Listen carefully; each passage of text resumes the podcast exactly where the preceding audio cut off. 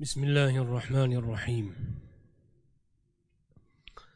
الحمد لله الذي أرسل رسوله بالهدى ودين الحق ليظهره على الدين كله. والصلاة والسلام على سيدنا محمد المبعوث رحمة للعالمين وعلى آله وأصحابه أجمعين. السلام عليكم ورحمة الله وبركاته. aziz din qardoshlar ilm va siyrat muxlislari. Alloh subhanahu va taologa hamdu sanolarimiz rasulimiz muhammad mustafoga durud va salovatlar bo'lsin. Kim u zot bobarakotning siyratlarini o'rganish u zotni tanish sharafiga musharraf bo'lib turibmiz. U zotni tanish siyratlarini o'rganish borasida bir necha oydirki imom termiziyning shamoil shamail al muhammadiya asarlaridan hadislarni o'rganib kelmoqdamiz. O'tgan galgi suhbatimizda o'rgangan bobimiz payg'ambarimiz alayhissalotu vassalomning xulqlari haqidagi bob edi. Ushbu bobdan bir qancha hadislarni o'rgandik. Bugun o'sha bobdan yana davom etib o'qiymiz. Va bugungi o'rganadigan hadislarimizning xususan birinchisi nihoyatda ulug' ma'nolarga ega payg'ambarimiz alayhissalotu vassalom haqlarida juda ko'pchiligimiz hali yaxshi anglamagan demak ma'lumotlarni inshaalloh bu hadis sharif orqali bilib olamiz بسم الله الرحمن الرحيم وبالسند المتصل عن شيوخي إلى المصنف أبي عيسى محمد بن عيسى الترمذي رحمة الله عليه وهو قال حدثنا سفيان بن وكيع حدثنا جميع بن عمير بن عبد الرحمن العجلي أنبأنا رجل من بني تميم من ولد أبي هالة زوج خديجة يكنى أبا عبد الله عن ابن أبي هالة عن الحسن بن علي قال قال الحسين سألت أبي عن سيرة النبي صلى الله عليه وسلم في جلسائه. فقال كان رسول الله صلى الله عليه وسلم دائم البشر. سهل الخلق سهل الخلق. لين الجانب. ليس بفظ ولا غليظ ولا سخاب ولا فحاش ولا عياب ولا مشاح. يتغافل عما لا يشتهي ولا يؤيس منه راجيه. ولا يجيب فيه قد ترك نفسه من ثلاث المراء والإكثار وما لا يعنيه.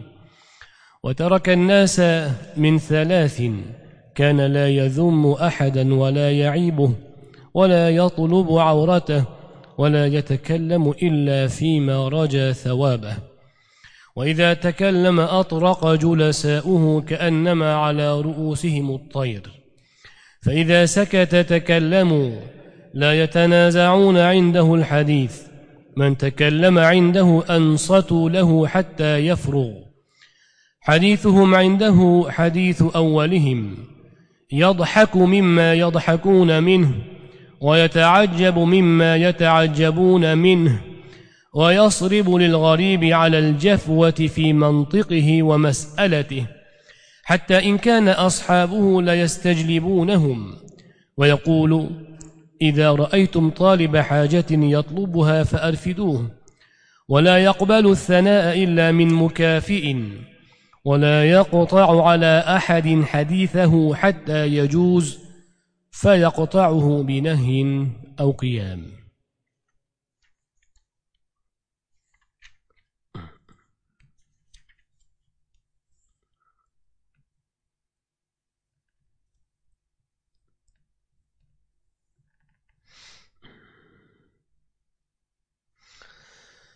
Imomi hasan imomi husayndan. U esa otalari ali roziyallohu anhudan rivoyat qilgan hadis.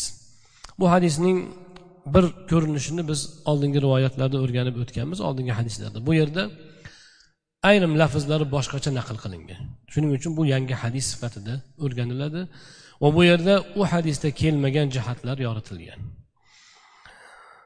Imom husayn roziyallohu anhu aytadilar. Men otam ya'ni hazrati ali roziyallohu anhudan nabiy alayhissalotu vassalomning o'z majlisdoshlari bilan siyratlari axloqlari qanday bo'lgani haqida so'radim. Imom husayn roziyallohu anhu imom hasan imom husaynlar rasuli akram alayhissalotu vassalomga ko'rinishda ham o'xshagan insonlar bo'lgan. Ya'ni xilqatda ham o'xshashar edi va xulqda ham o'xshashga harakat qilishar edi. Shuning uchun otalaridan so'rayaptilar. Bobomiz nabiy alayhissalotu vassalom majlisdoshlari bilan hamnishinlar bilan siyratlari qandoq edi? Siz bilan biz ham rasuli akram alayhissalotu vassalomga ma'nan farzandmiz nabiramiz. U zot alayhissalotu vassalom ana abikum fiddin deganlar. Men sizlarni dindagi otangizman deganlar. Ana shu ma'noda siz bilan biz ham nabiy alayhissalotu vassalomning siyratlari haqida so'rashga o'rganishimiz kerak. Imom husayn hazrati nabiy alayhissalotu vassalomning axloqlarini har bir jihatini bitta bitta so'rab chiqqan. Uyda qandoq edilar? Odamlar bilan o'tirganda qandoq edilar? A ko'chada masjidda qandoq edilar? Va hokazo. Ana shundoq haligi ipidan ignasigacha o'rganishga harakat qilib savollar bergan ekanlar. hazrati ali roziyallohu anhu javob beribdilar كان رسول الله صلى الله عليه وسلم دائما البشر nabiy alayhissalotu vassalom hamisha ochiq yuzli edilar payg'ambarimiz alayhissalotu vassalomning eng ko'zga ko'ringan xislatlaridan biri ochiq yuzli bo'lganlar bu xislat payg'ambarimiz alayhissalotu vassalomda bir umr va har doim bo'lgan doimo yuzlari mana shundoq ochiq yuzlik edi tabassumli edi. Vaholanki u zot alayhissalotu vassalom imom xatib payg'ambar va amir edilar. Ya'ni siyosiy rahbar ham edilar. Ana shunday siyosiy rahbar bo'lgan hollarida ham arab jazirasining salkam hammasiga hukmdor bo'lgan kezlarida ham nabiy alayhissalotu vassalomning axloqlarida o'zgarish yo'q.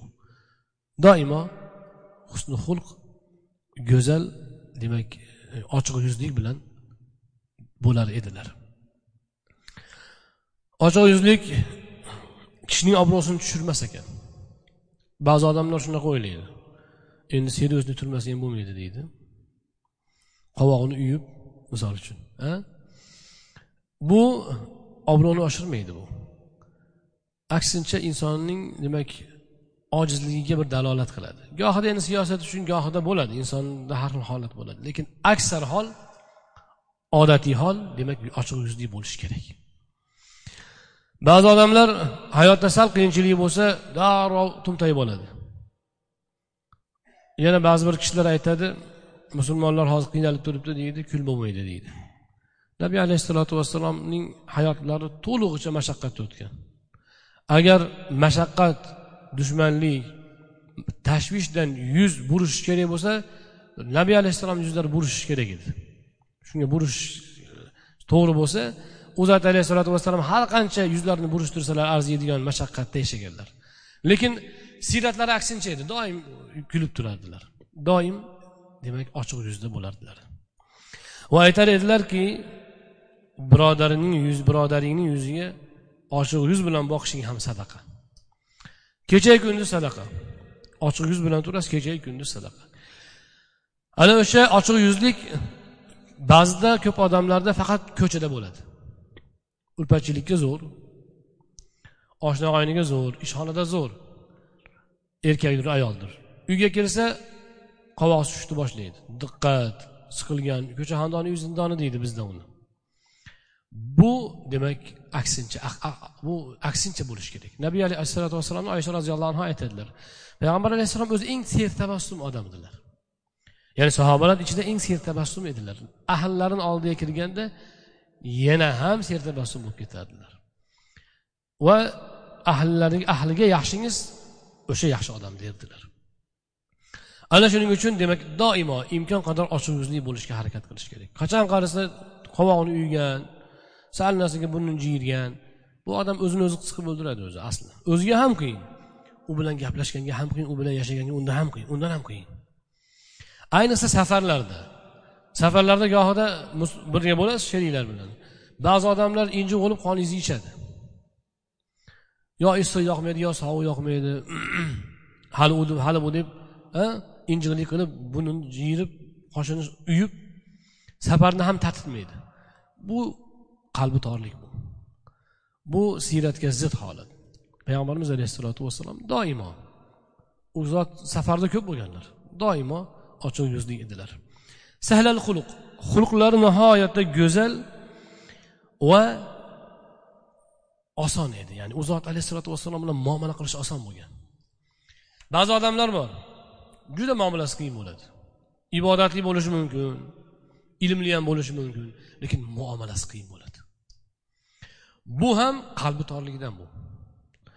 O'zini injiqlikka yo'yadi noziklikka yo'yadi har balo deb ko'radi. Lekin agar bir ishni jigiga jigini jigiga qo'yib chakini chakiga qo'yib injiqlik bilan bajarish kerak bo'lsa nabiy alayhissalotu vassalomchalik qiladi. Qilolmaydi hech kim. U zot alayhissalotu vassalomning har bitta ishlari ayni nuqtasiga urilgan. Hech palaparchi gap yo'q. O'sha noziklik muomalada ham nihoyatda nozik bo'lganlar. Mana hozir keyin hadisning davomida keladi. Payg'ambarimiz alayhissalotu vassalom o'ta hassos bo'lganlar muomalada ham. Ya'ni insonni juda ehtiyot qilganlar. Haligi nima deyayotganini tasarrufini tasarrufini hisobga olmasdan potir putir odamlar bo'ladiku unaqa emas nihoyatda hassos bo'lganlar. Lekin tahammul ko'taruvchan bo'lganlar. Shuning uchun muomalalari oson bo'lgan. O'zi injiqlik qilsa har qancha arziydigan har qancha injiqlik qilsa arziydigan vaziyatda yashaganlar. Hamisha tashvish maqsad o'ta katta ish ko'p. Butun musulmon ummati tashvishi bo'yinda yana ochiq yuzlik muomalasi oson odam bu o'ta yuksaklikdan o'ta ulug'likdan siz oddiy odam bo'lganingizda ketmon chopib yurgan paytingizda yaxshi odam bo'lib yuraverasiz. Chiroyli gapirib kamtar bo'lib. Ishingiz ko'payib rahbar bo'lganingizdan keyin keyin gaplashamiz. Unda odam injiqlik qilishni boshlaydi va hokazo muomalasi to'n bo'lishni boshlaydi. Hamma kelib iltimos qilaversa ancha muncha iltimosni eshitgisi kelmay qoladi. Hm? Va hokazo. Bu inson tabiatida odatdan shunaqa bo'ladi ko'pincha. Lekin nabiy alayhissalotu vassalom ana o'shancha rahbarlikni eng cho'qqisida tursalar ham ham diniy rahbar ham siyosiy rahbar hamma tomonlama rahbar. Otadek bo'lib turib lekin bag'ri kengliklarini qarang. Muomalasi oson edi boshqa sahobalardan ham ko'ra muomalalari oson edi ulug' insonlarda mana shu narsani ko'rasiz. Ba'zi bir shayx ustozlarni huzurida bo'lsangiz shogirdlar bilan gaplashish qiyin lekin katta ustoz bilan gaplashish oson bo'ladi. Bag'ri keng bo'ladi. Shogirdlar injiq bo'ladi hali yetilmagan bo'ladi hali pishmagan bo'ladi. Ular do'q po'pisa qiladi tushunish qiyin bo'ladi. Lekin katta ustozlar odatdan bag'ri keng bo'ladi. Ana payg'ambarimiz alayhissalotu vassalomning eng katta xislatlaridan biri muomalalari oson bo'lgan muomalasi qiyin bo'lgan ish inson yaxshi odam bo'lmaydi ya'ni bu yaxshi xislat emas bu bu nuqson ojizlik nuqson hisoblanadi inson inson tupur tupur odam bo'lganku kim bo'lsa ham muomala oson bo'lishi kerak endi bu degani kim toplasa toplab tepsa tepib ketaveradigan degani ham emas endi insoniyligini saqlaydi lekin muomalasi odamni tashvishga solmaydi. Bir narsa birov so'ragani ham tortinmaydi birov bir murojaat qilgani tortinmaydi birov dardini aytgisi keladi. O'sha odam muomalasi oson bo'ladi oson inson bo'ladi. Odamlar qalbini yorib gaplashadigan gaplashishga intilgan odam bu muomalasi osonlikda. Layinul janib. Xushmijoz edilar. Ya'ni mijozlari odamlar bilan bo'ladigan munosabatlari ham muloyim edi hech qo'pollik yo'q edi rasululloh akram alayhissalotu vassalomda hech qo'pollik dag'allik bo'lmagan. Balki doim so'zlovchi bo'ladimi hamnishin bo'ladimi savol beruvchi bo'ladimi? Doim muloyimlik bilan qarshi olganlar. Bu ojizlik emas edi. Endi ba'zi odamlar bo'ladi haligi andishani otini qo'rqoq qo'yadi. U unaqa odamlarga o'ziga yarasha javob qilinadi. Lekin ommatan odatiy holatda demak muloyimlik bo'ladi. Rasululloh akram alayhissalotu vassalom ana shundoq edilar. Qo'pol dag'al emasdilar. Odatda rahbarlar dag'allashib ketadi. Uni urishib bu bilan urishib unga siyosat qilaverib oxiri dag'al bo'lganini o'zi ham bilmay qoladi. Achchiq tez bitta gapini yarmigacha tushunmasa yarmidan keyin achchig'i chiqishni boshlaydi. Va hokazo. Lekin nabiy alayhissalotu vassalom qo'polmasdilar. Vala g'alizin dag'al ham emasdilar.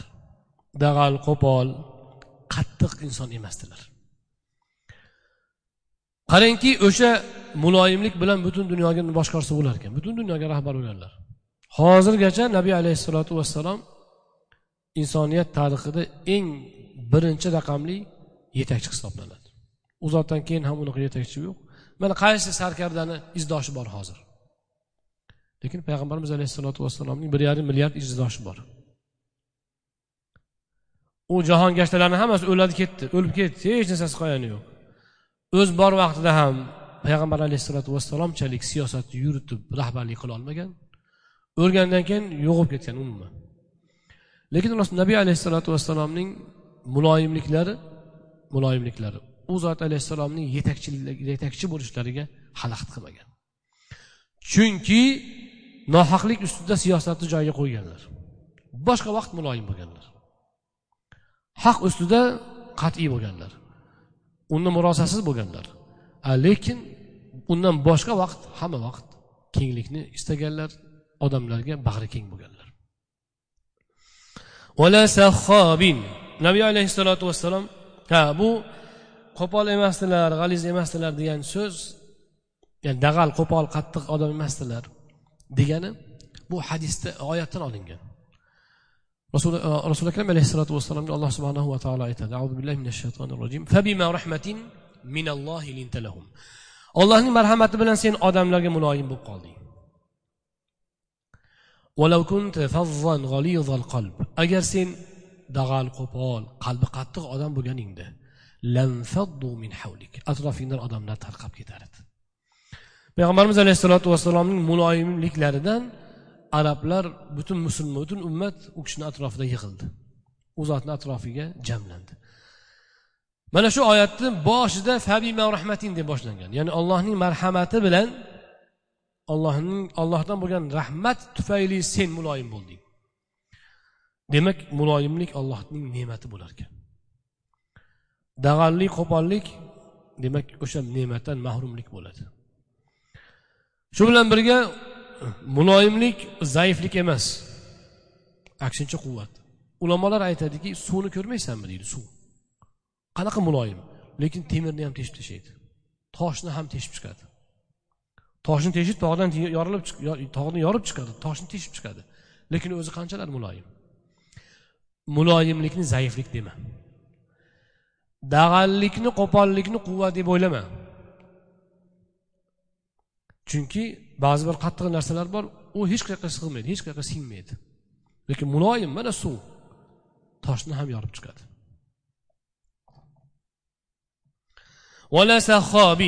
Nabiy alayhissalotu vassalom baqir chaqir qilib yuradigan odam emasdilar. Gapirganlarida demak xutba vaqtida baland ovozda gapirganlar munosabatlarda doimo ohista so'zlar edilar. Besharim so'z aytadigan odam emasdilar. Besharim qiliq besharim so'zlardan nihoyatda uzoq edilar. Mana shu narsani biz bugun nihoyatda yaxshi o'qib olishimiz kerak. Buni men fursatdan foydalanib aytishim mumkin. Masalan ba'zi bir sohalar bor. Aytaylik tabiblar doktorlar mana shu e, ba'zi bir uyatli mavzularni ko'tarib ular gapiradi gapirishi kerakdir. Shu zarur. Odamlarga bu ham gohida ehtiyoji bor kerak. Lekin gapirganda parda bilan gapirish kerak. Bepardalik bilan emas. Tushunadi. Iloji boricha o'shanga ehtiyoji bor odamlar ana shu yoshdagilar tushunadigan qilib gapirish kerak. Unga yoshi yetmaganlar tushunmay qo'ya qolsin nima dedi ekan deb qolaversin. Ana shundoq bo'lsin. Mana shu to'g'ri bo'ladi. Hozir ba'zi bir doktorlar chiqyapti ba'zi bir odamlar chiqyapti o'zini ko'proq gapi tarqashi uchun har kuyga tushyapti. Har gapni gapiraveradi.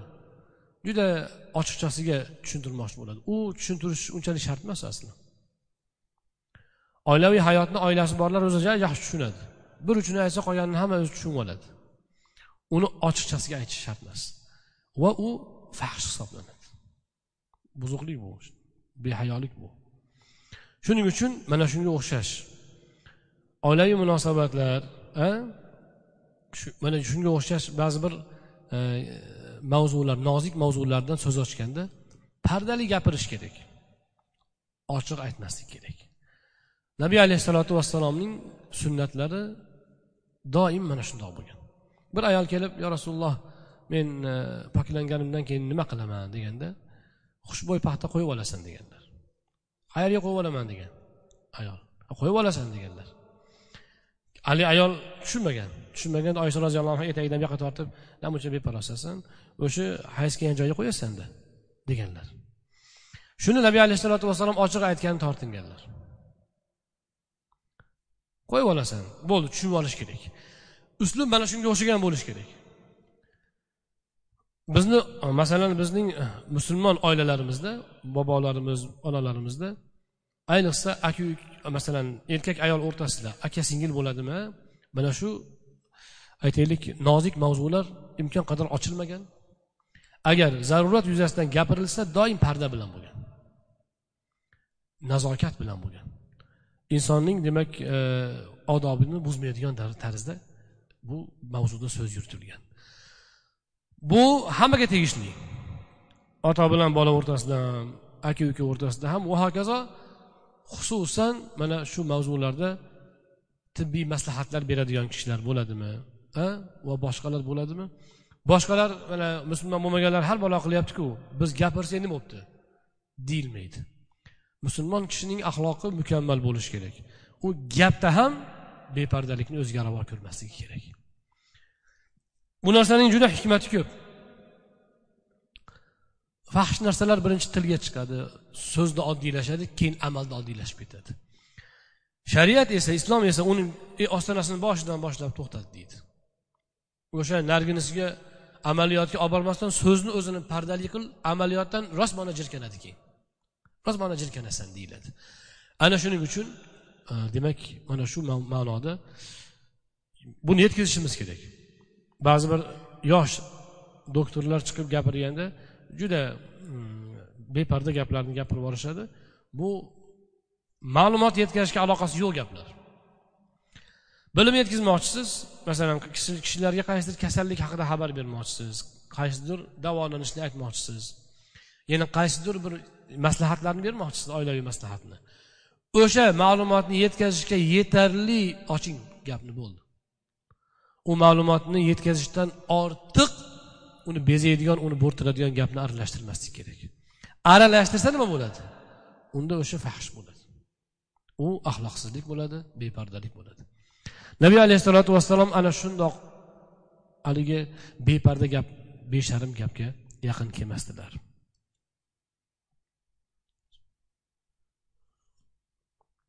Qur'oni karimda mana shu ma'noda juda katta o'gitlar bor. Inshaalloh uni bir vaqt soat kelganda o'rganarmiz. Vala ayyabin nabiy alayhissalotu vassalom ayb sitadigan odam emasdilar ayblaydigan odam emasdilar. Birovlarni ayblashdan uzoq edilar payg'ambar alayhissalotu vassalom na odamni ayblardilar na narsani ayblardilar. Taomni ham ayblamasdilar shuning uchun. Ehtiyotkorlikni qiling odamni ayblash endi ancha katta ish. Ovqatni ham ayblamasdilar. Ishtahalari tortsa ko'ngil ko'tarsa yerdilar bo'lmasa indamasdilar qolaverardi undoq ekan bundoq ekan bo'lmabdi. U bu degan gap u zot alayhissalotu vassalomga munosib emas edi. Kishilarni ham ayblamasdilar mana sahihaynda keladi maaba taaman qottu nabiy alayhissalom birorta ovqatni ayblamaganlar yemishni yegulikni. Bu nordon ekan bu achchiq ekan pishmabdi va hokazo degan gaplarni ham ishlatmas ekanlar. Nega desa u zot alayhissalotu vassalomning og'izlaridan faqat savobli gap chiqqan. Vala mushahin ya'ni tajang odam emasdilar. Payg'ambarimiz alayhissalotu vassalom muomalasi oson odam edilar. Injiq tajak odam bo'ladiku har narsaga siqilaveradi har narsaga haligi diqqat oshaveradi u demak odamning o'ziga ham yomon. Chunki u mana shu tajanlik orqasidan juda ko'p odam ko'p gunoh qilib qo'yadi. Odamni ayblaydi narsani ayblaydi birovga ozor beradi. Va hokazo juda ko'p yomonlikni kaliti haligi nimasi asosi boshlanishi mana shu tajanglik. Nabiy alayhissalotu vassalom tajang odam bo'lmaganlar. Bag'ri keng odam bo'lganlar nabiy alayhissalotu vassalom o'zlari xohlamagan narsalarni gohida bilmaganga olib qo'yardilar. Payg'ambarimiz alayhissalotu vassalom munkar ish bo'lsa unga tek qaramaganlar doim isloh qilganlar. Lekin munkar bo'lmagan ochiq munkar bo'lmagan lekin o'zlariga yoqmagan tasarruflar bo'lishi mumkinku insonlarda. Sal gap cho'zilib qoladi ba'zida ba'zi bir harakatlar majmui harakatlar bo'lib qolishi mumkin kimdandir. Payg'ambarimiz alayhissalotu vassalom odamlarga shafqat qilgandan o'shani bilmaganga olib qo'yardilar. Hadeb injiqlik qilib ularni ham xulob qilib o'zlaridan bezitib o'zlari ham tajanglik qilib qiynalmasdilar. Bu juda katta zo'r axloq. Uyda ham shunaqa bo'lingda juda maza qilasiz. Uydagilar ham maza qilib qoladi. Ba'zi bir oilalar bor dadam kelmasa deb turadi. Dadam kelmasin uyda bo'lmas edi yoki onam kelmasin. Nega desa bu ota shunaqa hali o'tirsa o'poq tursa so'poq deydiyu har narsaga tajanglik qilaveradi. Yo'q yaxshi emas. Eng yaxshi ota shuki uyga kirsa uy yorishib ketsin. U chiqsa uy qorong'ilashib qolsin. Mana shunaqa bo'lsin. Uyga kirsangiz uyingiz yorishib ketsin. Go'yo hamma uchun yorishib ketadi uy. U chiqib ketsa uy qorong'ilashib qoladi. Keyin uydagilar sog'inadi kelsaydi qalbimiz to'lsaydi. Mana shu xulosa shunaqa bo'lishi kerak. Nabiy alayhissalotu vassalomni sahobalar shuning uchun birpas yonlarida yo'qotsa sog'inib qolishardi. Birpas nabiy alayhissalotu vassalomni topolmay qolishsa istab qolishardi. Keyin sahobalar yig'lashardi. Yo rasululloh siz birpas yonimizda bo'lmasangiz biz biz chidolmay qolyapmiz qiyomatni qanaqa qilamiz? Nima bo'libdi qiyomatda? A jannatda siz u yuqori darajada bo'lsangiz biz pastda qolib ketsak siz jannatni ko'rolmasangiz biz bizga jannat tatimaydi yo rasululloh.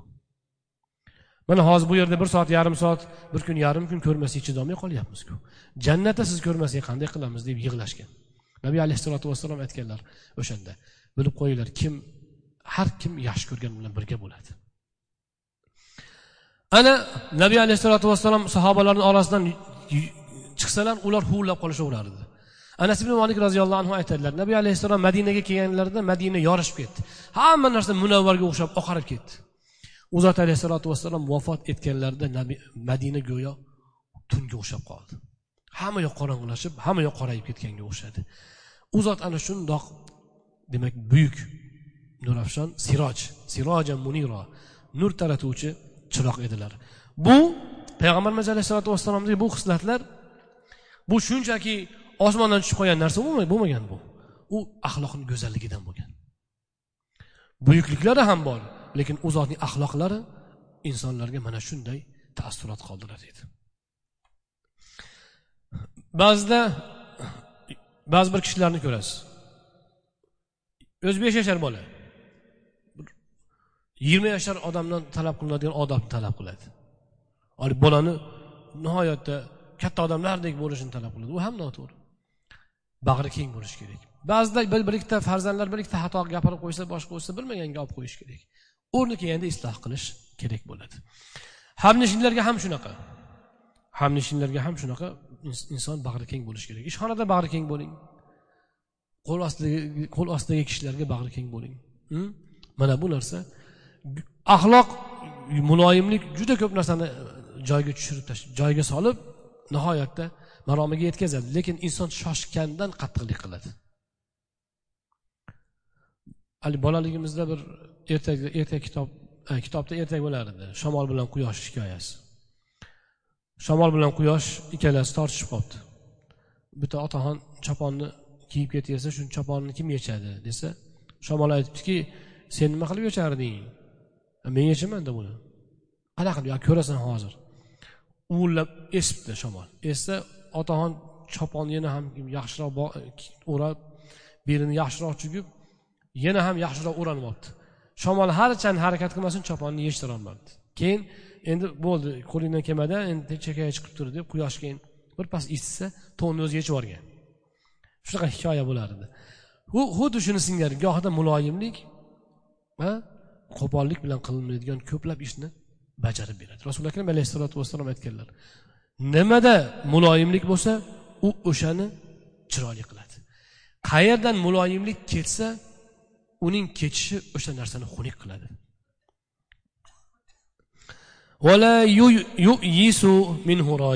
Nabiy alayhissalotu vassalom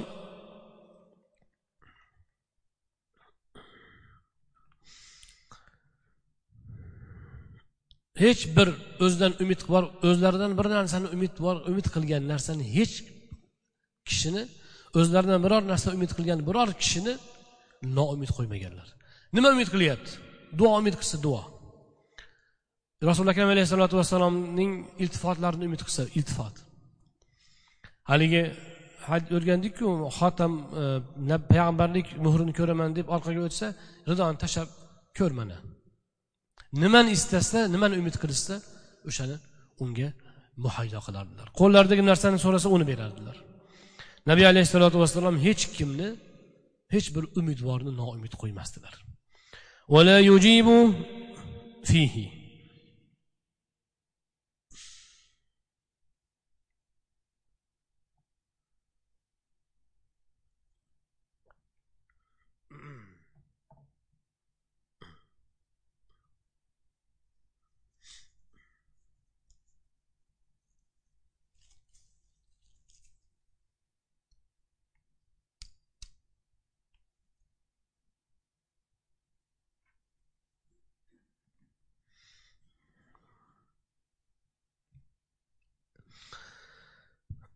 Nabiy alayhissalotu vassalomdan gohida u zot istamagan narsani birov talab qilsa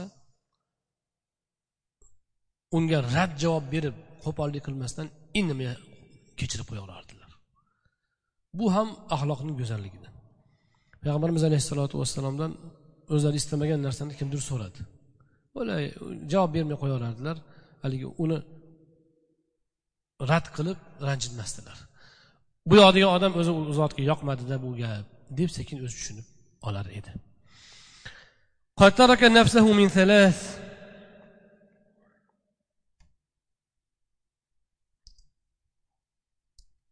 Yana ikkinchi ma'nosi bor ekan ya'ni rasuli akram alayhissalotu vassalomni agar bir kishi u zot xohlamagan taomga taklif qilib u zotga u zot ishtahalar tortmagan taomni o'z zotga taqdim qilsa yaxshi gap bilan uzr aytib qo'yardilar. Mabodo o'zlariga yoqmaydigan ovqat keltirildi. Misol uchun mijozlariga tushmaydigan ovqat keldi. Endi bu ovqat menga to'g'ri kelmaydi. Men yeyolmayman va hokazo. Desalar u mezbon ranjiydi undoq qilmasdilarda uzrni boshqacha chiroyli qilib aytardilar. Ya'ni u odamni ko'nglini ko'taradigan gap bilan o'sha taomdan o'zlarini to'xtatardilar o'sha taomni yemaslikka ham yemasalar ham uni xursand qilib qo'yardilar. Ko'ngli e, cho'kmaydigan gapni gapirib gapni topib gapirar edilar. U zot alayhisalotu vassalom o'zlari uchun uchta narsani tamom tark qilgan edilar. Nima? Nabiy alayhissalotu vassalom o'zlarida uchta narsani demak tark etganlar. Al miro tortishish. Payg'ambarimiz alayhissalotu vassalom tortishish haligi qur'onda ahli kitoblar bilan g'ayri dinlar bilan chiroyli yo'sinda mujodala munozara qil degan buyruq bor. U boshqa masala. Ilm haqni ro'yobga chiqarish uchun munozara bu fikrni charxlashga o'xshash amaliyot bu. Ha lekin tortishish men to'g'riman degan ma'noda o'shani isbotlash uchun tortishish bu miro. Bundan nabiy alayhissalotu vassalom uzoq edilar. Hech unaqa tortishmaganlar. Tortishishdan tortishishni tark etgan edilar. Nabiy alayhissalotu vassalom bir hadislarda aytganlar. Kim haq bo'lib turib tortishuvni tark etsa men unga jannatning o'rtasidan bitta uyni va'da qilaman deganlar. Ya'ni u jannatni o'rtasida bo'ladi. Davomida aytganlar xulqi go'zalning joyi esa jannatning eng oliysi. Nabiy alayhissalom o'zlari uchun tark etgan ikkinchi narsa al iksar ko'paytirish. Nimani ko'paytirish? Gapni ko'paytirish va molni ko'paytirish ya'ni to'plashni. Ikkalasi ham e, bu joyda tushaveradi nabiy alayhissalotu vassalom ko'p gapdan uzoq edilar va molni to'plab ko'paytirishga ham rag'bat qilmaganlar. Balki u zot alayhissalotu vassalom sadaqa qilib ehson qilib yuborardilar ko'p mollarini uchinchisi yanihi. O'zlari uchun ahamiyati foydasi bo'lmagan narsani tark etganlar. Tarku e, min husni islamil mar tarkuhu ma la ya'nihi degan hadislar bor nabiy alayhissalotu vassalomning hadislari bu hadis mador hadislardan ya'ni islomning ustunlaridan to'rtta ustundan biri deyiladi. Uning ma'nosi shuki musulmon kishining insonning musulmonchiligi islomining go'zalli go'zalligi o'zi uchun foydasiz bo'lgan narsani tark etishdadir mana shuni bitta mashq qilingda. Bir ishni qilayotganda bir gapni gapirayotganda shu menga foydalimi foydasizmi dengda. Rosa ko'p vaqtimiz oshib qoladi. Bo'shab qoladi. Kuningiz juda ko'p vaqtida ancha bir necha soatlar bo'sh vaqt borligini ko'rasiz. Dunyoga ham foydasi yo'q oxiratga ham foydasi yo'q. Ish amal so'zni tark etish. Nabiy alayhissalotu vassalom mana shundoq edilar.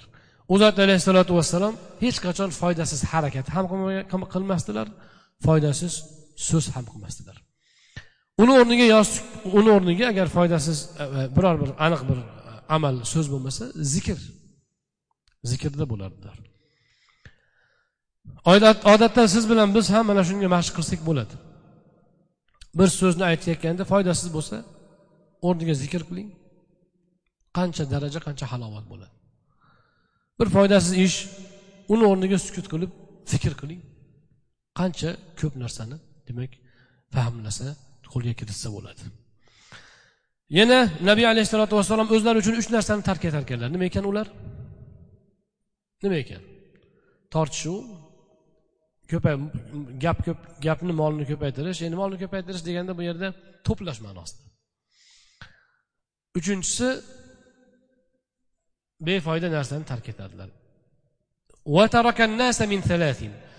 Odamlarga nisbatan ham yana uchta narsani tark etadilar.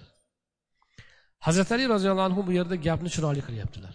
Solishtirib o'ziga nisbatan ham uchta narsani tark etardilar odamlarga nisbatan ham uchta narsani tark etardilar. O'zlari uchun tark etadigan narsalar yana uchtadan yana ko'p yana topiladi yana bor. Lekin bu joyda asosiy uchtani zikr qildilar. Odamlarga nisbatan ham uchta emas undan ko'p narsani tark qilganlari bor. Lekin bu joyda uchtasi asosiysi zikr qilinmoqda. O'sha ikkalasini muqoyasasi simmetrichniy bo'lishi uchun uchta uchta qilib zikr qilganlar. Aytyaptilarki odamlarga nisbatan ham uchta narsani tark etadilar. Nima u? Birinchisi kana la ahadan. Hech birovni mazammat qilmasdilar. Mazammat qilib ayblamasdilar. Ikkinchisi yatlubu avratahu hech birovni aybini qidirmasdilar. Uchinchisi savobini umid qilmagan o'rinda gapirmasdilar. Shu gapni gapirsam savob bo'ladi. Savob olamanda shu gapga degan joydagina gapirar edilar. Payg'ambarimiz alayhissalotu vassalom hech birovni ayblamasliklari nimadan rasululloh akram alayhissalotu vassalom o'zlari aytganlar u birovni masalan sen bu ayb ishing noto'g'ri ayb ish to'g'rila deb aytish boshqa narsa. U unaqa bu bunaqa deyish bu ayblash. Isloh uchun bir kishiga nasihat qilib aybini ko'rsatib buni tuzating deyish bu to'g'ri amal bu kerak. Payg'ambarimiz alayhissalotu vassalom sahobalarni mana shundoq qilib tarbiyalab yetiltirganlar yetishtirganlar. Lekin birovni ayblamasdilar. Bu odam aytaylik undoq yolg'onchi va hokazo o'ta qo'pol. U bundoq degan ayblar bilan birovni ayblamas edilar. Va birovni aybini qidirmasdilar ham. Bu ham nihoyatda muhim. Oilaviy munosabatlarda ham xuddi shunaqa bo'lishi kerak. Er xotin qaynota qaynona kelin kuyov o'rtalarida bo'ladiyu aka ukachilik qarindosh urug'chilik oilaviy munosabatda ham mana shu axloq bo'lishi kerak. Ayb qidirmaslik kerak. Ochiq ayb bo'lmasa ayb qidirib orani buzib nima qilasiz?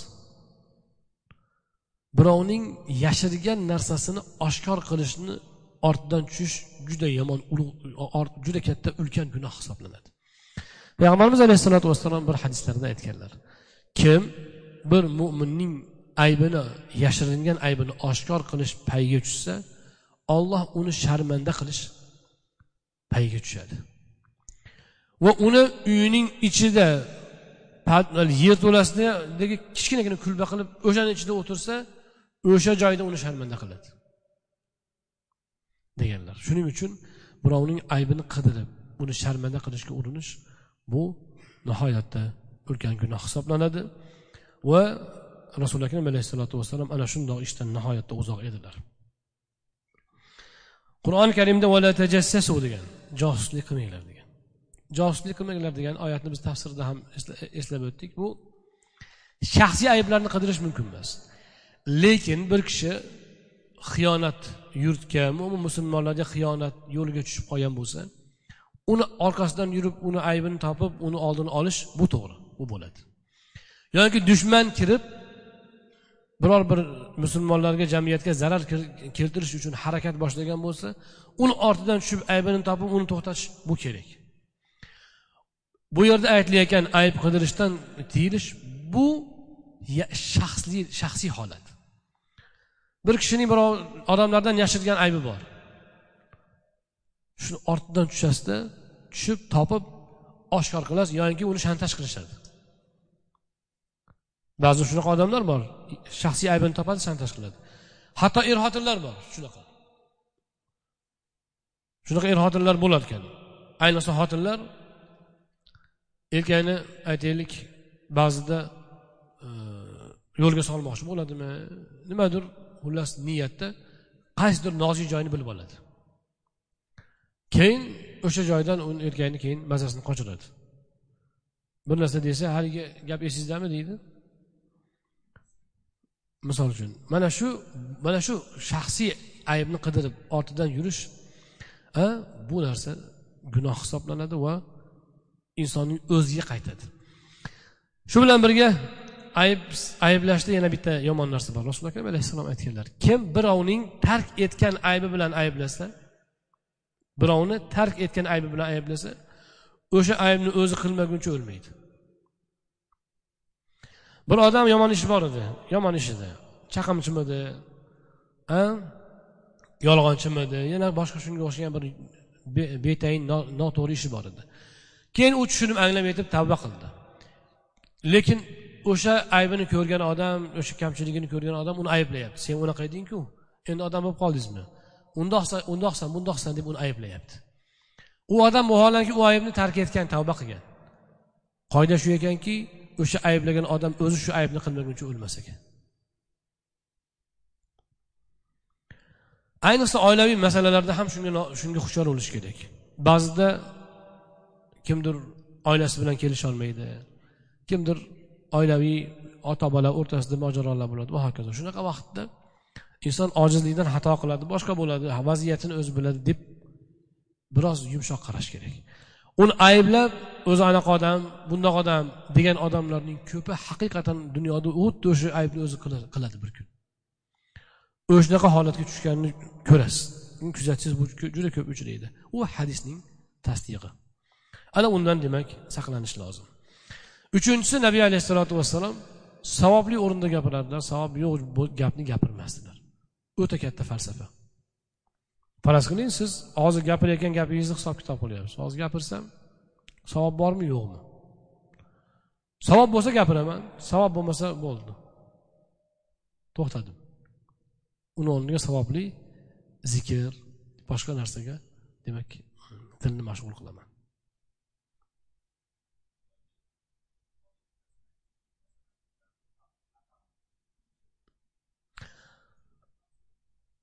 Ehm, laqab qo'yish ham harom. Alloh qur'onda aytgan bir biringlarga laqab taqamanglar laqab qo'ymanglar. Nimaga? Bu iymondan keyingi fosiqlik bo'ladi yomon narsa bu. Ayblash laqab ham ayblashning bitta ko'rinishi. Aybni bir yo'la taqab qo'yish ismga aylantirish. Shuning uchun bu ham joiz hisoblanadi nojoiz ish hisoblanadi. Agar mana shu nabaviy axloqlarga insonlar rioya qilib shunga agar biz odamlarni tarbiya qila olsak bilasizmi qanday jamiyat bo'ladi bu jamiyat? U salkam jannat bo'ladi. O'sha uchun nabiy alayhissalotu vassalom yashagan asr asr saodat deyiladi. Saodati nimada uni? Uni o'sha vaqt quyosh o'sha quyosh. O'sha yer mana shu yer. Shu oy mana shu oy shu kun shu tun hech oy kun tunda hech qanaqa farqi yo'q. Shu bo'yi turibdi. Zamon buzildi deb qo'yishadi. Zamon buzilmaydi odam buziladi. Saodat asli saodatligi shunday ediki o'sha vaqtni odamlar mana shunaqa saodatli insonlar edi. Chunki saodat baxsh etuvchi zot siroja muniron porloq zot mana shunday hamma yo'lni yoritib turardilar. U zotning axloqlarini ko'rib odamlar undan u zotdan namuna olib ana shunaqa mana shunaqa ulug' insonga aylanavergan. Ana shunaqa insonlardan tarkib topgan jamiyat saodat asri bo'ladi. U saodat asri o'sha vaqtda fors rum boshqa mamlakatlar uchun saodat asri bo'lmagan. U saodat asri musulmonlar uchun bo'lgan xolos. Saodat asriligi u musulmonlar uchun boshqalar yotibdi jaholatida. U asr saodat asri bo'lishi vahiy nozil bo'lib turgan asr vahiy singib amalga oshib turgan jamiyat. Ana o'sha u saodat. Va mana shu saodatni ta'minlovchi haligi xo'jaydalar deymizmi? Xo'jaydalar mana bu axloqlar bo'lgan. Faqat namoz ro'za zakot bir ikkita shariy hadlar shu asr saodat degani emas u. Asr saodatni belgilab bergan narsa kishilardagi mana bu buyuklik bo'lgan shu axloq bo'lgan. Endi u o'sha asr asr saodat qaytadimi qaytmaydimi? Qaytmaydi. Lekin o'shanga yaqin zamonni yashash mumkin.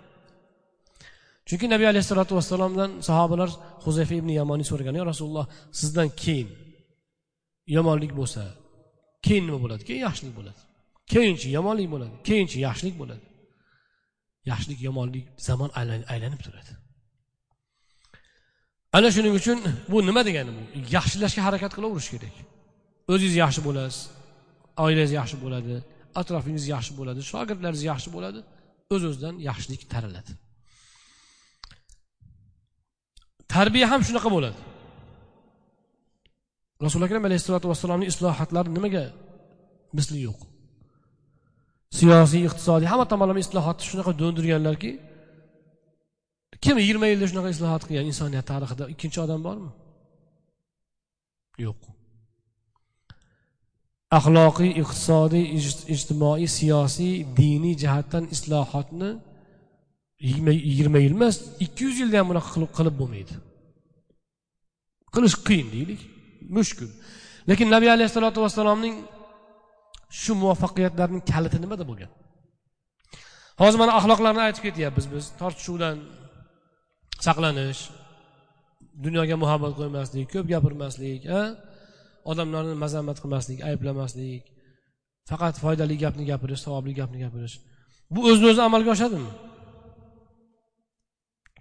Shunchaki eshitib qo'yish bilan amalga oshadi mana hozir eshitganlar hamma shunaqa ekan deb hozir anglaysiz.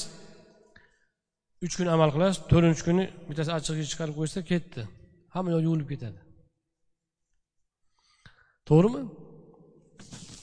Nega shu biz shunaqa bu, bu axloqlarni eshitib eshitib va zo'r gaplar ekan deb ketaveradigan bo'lib qolganmiz o'zimizda namoyon qilish nega yetishmaydi? Nega yo'q?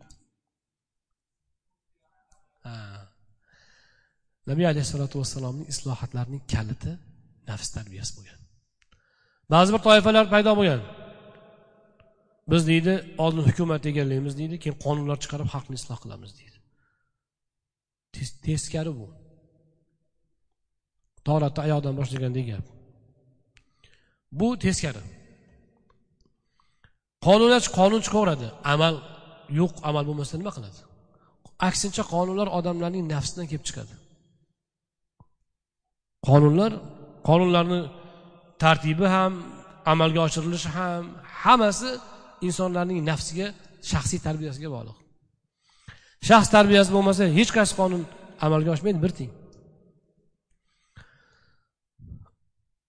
misol uchun mana yevropada chexiyada masalan narkotik moddalar gaz do'kon gaz suv gazovada sotadigan do'kon bo'ladiku yoki haligi pul solsangiz kola quyib beradiku misol uchun ichimlik quyib beradiku besh tiyin solsangiz shunaqa butkalarda shunaqa narsalarda narkotik moddalar turli darajada sotiladi.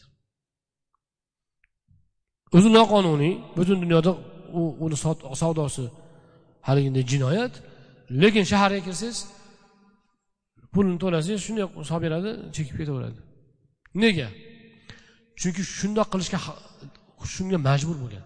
Xalqni ushlab bo'lmaydi. U o'lgan u. Amerika ichkilikka qarshi kurashib ichkilikni taqiqlab hamma zavodlarni yopib yuborsa nima bo'lgan? Aptekada spirt qolmagan. Hamma yo'q xonavayron odamlar atir atir olib ichavergan. Adikaronni ham ichavergan. Nega? Nafs tarbiyalamagan shuning uchun iloji yo'q keyin qaytadan yana vinozavodini aroq zavodini ochib boshqatdan. Keyin tagiga olma zararli deb yozib qo'yib sotadigan bo'lgan. Nega? Chunki nafs nafs tarbiyasi yo'q. Islom nima qilgan islom? Islom nafslarni shundoq tarbiya qilganki hazrati umarga o'xshagan odamlar yo rasululloh qachon bu aroq harom bo'ladi? deb qo'ygan. Har safar oyat nozil bo'lsa hazrati umar roziyallohu anhu xamir haqida oyat nozil bo'lsa shu safar harom bo'lsa edi deb turar edi. O'shaning uchun fahal antum muntahun endi to'xtarsizlar degan oyat nozil bo'lganda xamir haromligi haqida. Intahayna yo rob to'xtadik yo rob deb hazrati umar qichqirgan. Sahobalar og'zida turgan mayni pelani ko'tarib turgan bo'lsa kosani aroq harom bo'ldi desa shundoq shu yerdan to'kib og'ziga tupurib yuborgan. Kerak bo'lsa qaytib qilib yuborgan. Harom bo'libdi. Nega shundoq? Chunki nafs tarbiyalangan mana bu axloqlar ham insonda aks etishi uchun u nafs tarbiyasi bilan birga amalga oshiriladi keyin o'rnaydi. Bo'lmasam eshitib eshitib ketaverasiz. O'shanaqa ulug' zotlar bo'lgan ekan deb turib ketilaveradi. Haligi andijonda bir kishini aytishardi ko'p ulug' zotlarni maqtab gapirar ekanda falonchi mahsum podsho mundoq bo'lganlar piston qoribon mundoq bo'lganlar qani qo'ying deb qo'yar ekan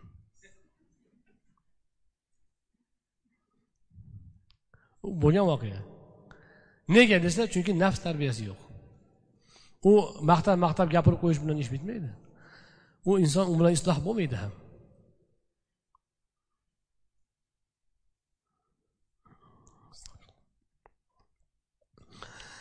وإذا تكلم أطلق جلساؤه كأنما على رؤوسهم الطير nabiy alayhissalotu vassalom gapirsalar birga o'tirgan u zotni ham suhbatlari boshlarini boshlarini shundoq quyi qilib turardilar boshini ko'tarib turmasdi boshi quyi turar edi va shunaqa sokin turishar ediki xuddi boshida qush borga o'xshar edi agar siz boshingizda qush turgan bo'lsa qanaqa turasiz qush uchib ketmasin deb xuddi haligi yog'ochdek turib berasiz to'g'rimi? Payg'ambarimiz alayhissalotu vassalom gapirganlarida sahobalar mana shunaqa tinglashar edi. Bu manzarani qayerdan topasiz? Ayniqsa vahiy nozil bo'lsa rasululloh alayhissalotu vassalom o'zini boshlari quyi bo'lib qolar edi. Va rasululloh boshini ko'tarmagun ko'tarib nafasini rostlab deb boshlarini ko'tarib so'zga kirishmagunlaricha sahobalar boshini ko'tarmasdi. Bu vahiy holatida endi. Undan boshqa vaqt ham nabiy alayhissalotu vassalom so'zlasalar sahobalar boshlarini ko'zlarini quyi boshlarini u bu yerda atroqa bosh quyi qilish degani shunaqaki u arab tilida shunaqa ma'no anglatadiki nigohni bir joyga qarab boshni quyi qilib turishni atroqa derkan.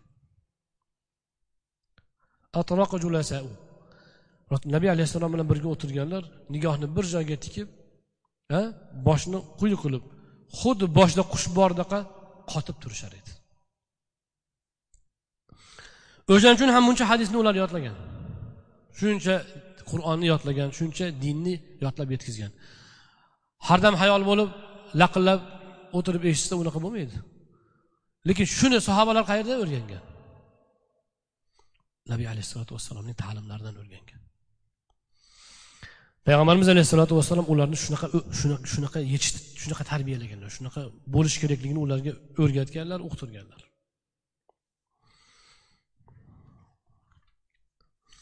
Bu ilm olish odoblaridan sanaladi. Ilm olganda mana shunaqa qunt bilan tinglash kerak va ana shundoq demak imkon qadar sokin turish kerak. Payg'ambarimiz alayhissalotu vassalom sukut qilsalar keyin gapirishadi. Rasululloh gapirib turgan paytda ustiga gapirish yo'q. U zot gapdan to'xtasalar keyin gapirishar edi.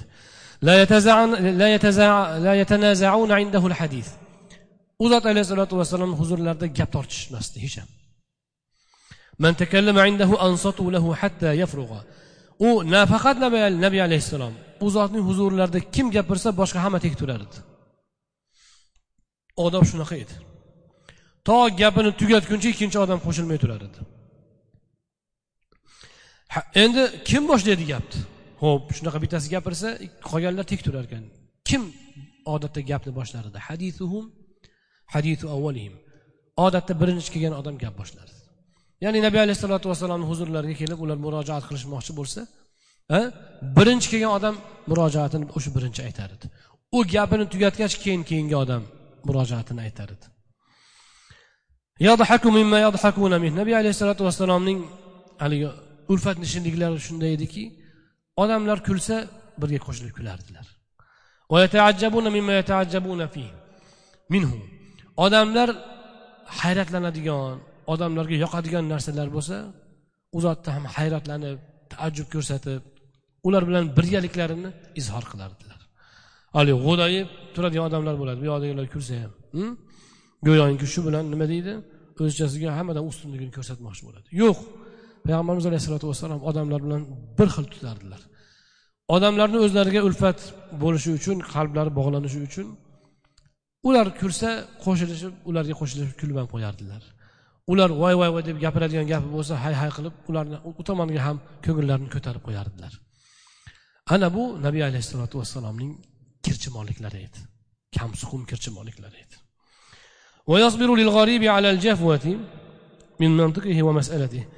Haligi begona odam begona odamlar bo'ladiku payg'ambarimiz alayhissalotu vassalom huzurlariga kelib qolgan bir kelib ketadigan badaviylar bo'lar edi. O'shaqa odamlarning qo'polligi adabsizligi yana savol berishdagi haligi beso'naqay savol berishlari mana shunaqa narsalarga sabr qilardilar. Bu ham juda muhim narsa. Gohida gohida. Masalan ustoz shogird odoblari bilan bir jamoat tarbiyalangan bo'ladi. Begona odam kirib keldi bu yerda urfini bilmaydi. Bu yerdagi odob axloqni bilmaydi. Ana shunaqa odamga payg'ambarimiz alayhisalotu vassalom sabr bilan munosabatda bo'lardilar. Uning haligidek ba'zi bir noto'g'ri tasarruflarini tahammul qilib ko'tarardilar mana bu juda ham muhim. Bir joyga bordik bir to'yga borsak turklar keldi. Turklar. Turklar ham odob o'rgangani ham bor juda haligi beparosati ham bo'ladi ko'p bo'ladi. Arablarda ham shunaqa holatlar bo'ladi. Haligi ovqat to'kib yeydi sochib yeydi. Ba'zi bir turklar ham shunaqa qilishdi. Hali bizda odatda oldidan olib yeydi sekin sekin bir chaqir chuqurni ham ovozini chiqarmasdan yeganda ham chapillamasdan biz odob bizda nihoyatda go'zal odoblar o'rgatilgan saqlangan. Haligi bechora endi hamma hammasi bitta xalqning hammasi ham bunaqa bo'lmaydi endi shunaqalari ham bo'ladi. Ular g'arib. Biz to'yda o'tiribmiz o'zbeklar to'yni urf odatini juda yaxshi biladi. Hammasi nihoyatda tekis. Mana shu uchta to'rtta haligi mehmonlar juda boshqacha ajrab turibdi. Hamma harakati tasarrufi gap so'zi bormi yeyishi ichishi hamma yo'g'i umuman haligi nimadan tashqarida. Odob doiradan tashqarida. Lekin yaxshi odamlar ekan o'zi asli lekin odobni o'rganmagan. Mana malakasi yo'q. Mana shunga o'xshagan paytlarda holatlarda jirkib qovoq yub ularga ta'lim berilmaydi. Agar ularga bir narsani o'rgatmoqchi bo'linsa uni odob bilan o'rgatiladi axloq bilan o'rgatiladi yetkaziladi. Lekin birovni oldida ularni hijolat qilinmaydi. Payg'ambarimiz alayhissalotu vassalom mana shundoq haligi badaviylarni cho'ldan kelgan odamlarni ancha muncha qo'polliklarini ko'tarardilar. Hatto u zotni ba'zi bir sahobalari o'shalar kelsa yaxshi bo'lardi deb turishardi. Nega desa ular savolni dabdurustdan berishaveradi haligi to'g'ri kelgan narsani so'rab borishaveradi ham. Sahobalar unaqa dag'allikka o'rganmagan bular muloyim madaniyatli odamlar. Ular o'z ular nabiy alayhissalotu vassalomni oldida unaqa qilisholmasdi. Lekin haligi badaviylar kelib dabdurustdan savolni berib ba'zi bir ikki chikir savol narsalarni ham so'rashardi. Sahobalar shular kelsa yaxshi bo'ladida. Shular bir narsa so'rasa biz ham bilib olamiz deb turishardi deydilar. Nabiy alayhissalotu vassalom aytadilarki agar biror kishi bir ish bilan kelsa o'shanga yordam berib yuboringlar deyotganlar ya'ni meni oldimga yetkazib kelib hojatini chiqarishi uchun ko'mak berasizlarmi? Ishini bitirib berasizlarmi? Shunga yordam beringlar der edilar. U zot alayhissalotu vassalom yaxshilik qilganlarida o'sha yaxshilikka javoban qilingan maqtovdan boshqa maqtovni qabul qilmasdilar. Ajoyib gap ekan. Birovga rasuli akram alayhissalom bir yaxshilik qildilar hadya qildilar a bir narsani tortiq qildilar. O'shaning uchun rasululloh akram alayhissalom juda saxovatlikda juda qo'li ochiq qo'li ochiq zotda desa o'shani indamas o'shanga qabul qilardilar indamasdilar. Lekin hali hech narsa bermaslaridan turib hech narsa qilmaslaridan turib u zotni maqtamoqchi bo'lsa buni qabul qilmasdilar. Nega shunaqa bo'lgan? Narsa berganlari uchun maqtasa bu bandaga shukur ma'nosida o'rinli. Ikkinchidan maqtov qilingan bir bir yaxshilik yetgandan keyingi maqtov u tashakkur ma'nosida bo'ladi. Hali yaxshilik qilmasdan turib qilingan maqtov odatda tama bilan bo'ladi. Tama uchun juda boyatan saxovatli zotlarda deb qo'yadi. Oldindan. Qo'li ochiq odam bu kishi yoinki oldindan maqtab qo'yishadi bu kishi juda shedriy deb qo'yishadi. Desa keyin haligi odam uyatgandan ham haligi muomalani qilishga to'g'ri kelib qoladi. Bu bu noto'g'ri narsa. Lekin bir kishi saxovat qilsa saxiy odam ekan bu odam. Desangiz o'rinli. Nabiy alayhissalotu vassalomning mana shu xislatlarini ham hazrati ali ko'ryapsizmi? Vasf qilyaptilar. Nabiy alayhissalomni agar birov bir yaxshilik qilganlari uchun maqtasa qabul qilaverardilar. Lekin hali qilmaslaridan turib maqtayman desa uni yoqtirmasdilar. Shu bilan birga payg'ambarimiz alayhissalotu vassalom juda yaxshi o'rgatganlar ham shundoq bilar edilar hamki har qanaqa maqtov allohga qaytadi. Maqtasa yaxshiligi uchun birovni qalbi to'g'ri shakllangan iymoni e'tiqodi to'g'ri shakllangan odam bu hamd menga aytyapti lekin asli allohga boradi chunki meni qodir qilgan uning o'zi. Alhamdulillah deb turadi. Mana shu ma'noda u odamning maqtovi allohga boradi. Shuning uchun ham nabiy alayhissalotu vassalom uni qabul qilar edilar.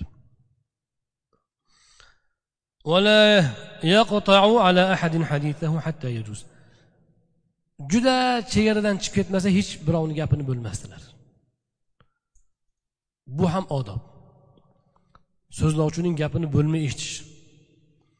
Yuqoridagi odam yuqori odamning quyi odamdan gap eshitib turib uni gapini bo'lmay turishi bu axloqni o'sha odamdan sodir bo'lishi yana ham buyuk. Odatda katta odam gapiryapsa gapini bo'lmay turasiz. Bu ancha oson bu. Lekin o'zingiz tengqur odam yoki sizdan quyi odamning gapini bo'lmasdan o'tirish bu ancha e, katta axloq bu. Payg'ambarimiz alayhissalotu vassalom juda chegaradan chiqib ketib qolmasaki gapni bo'lmasdilar agar juda chegaradan chiqib ketsa nima qilardilar? Uni to'xta deb to'xtatardilar yoinki turib ketardilar. Turish bilan qo'zg'alishga kelsa odam to'xtaydiku. Qo'zg'alish yoinki demak e, yoki sarohatan ochiq oydin to'xtatish bilan gapni kesar edilar. Lekin dashnom bilan kesmas ekanlar.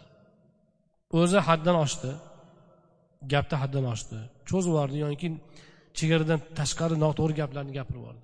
Shunda ham gapni birdan dashnom bilan bo'lmasdan to'xtagin endi bo'ldi degan yumshoq muloyim muloyim gap bilan to'xtatardilar. Yoki qo'zg'alishni boshlardilar odam o'zi sekin bo'lib to'xtar edi.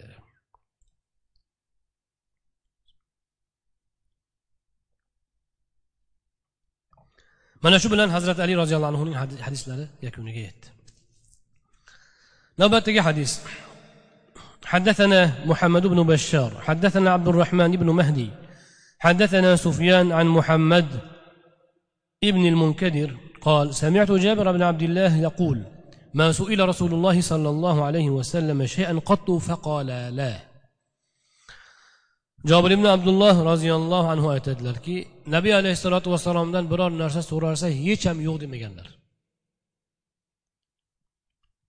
Yo o'sha narsaga qodir bo'lsalar darhol o'shani berardilar. Agar qodir bo'lmasalar yo'q demasdilar baribir. Biror yumshoq yaxshi gap bilan unga demak rad javobini yetkazar edilar. O'shaning uchun payg'ambarimiz alayhissalotu vassalomdan haligi hayotlarining oxirida kiygan ridolarini so'raganda berib yuborganlarku o'zi juda qimmat rido bo'lgan. Uni ancha pulga ancha vaqtda to'qigan. Yo rasululloh chiroyli ekan rido kiymingiz desa olib berib yuborgan menga bersangiz deganda berib yuborganlar keyin sahobalar dashnom qilishgan o'sha odamni. Ha?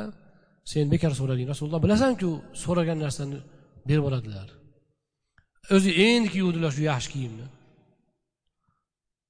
Noto'g'ri qilding desa yo men rasululloh akram alayhissalotu vassalomdan keyin u zotni tanalari tekkan kiyimni qayerdan topaman men.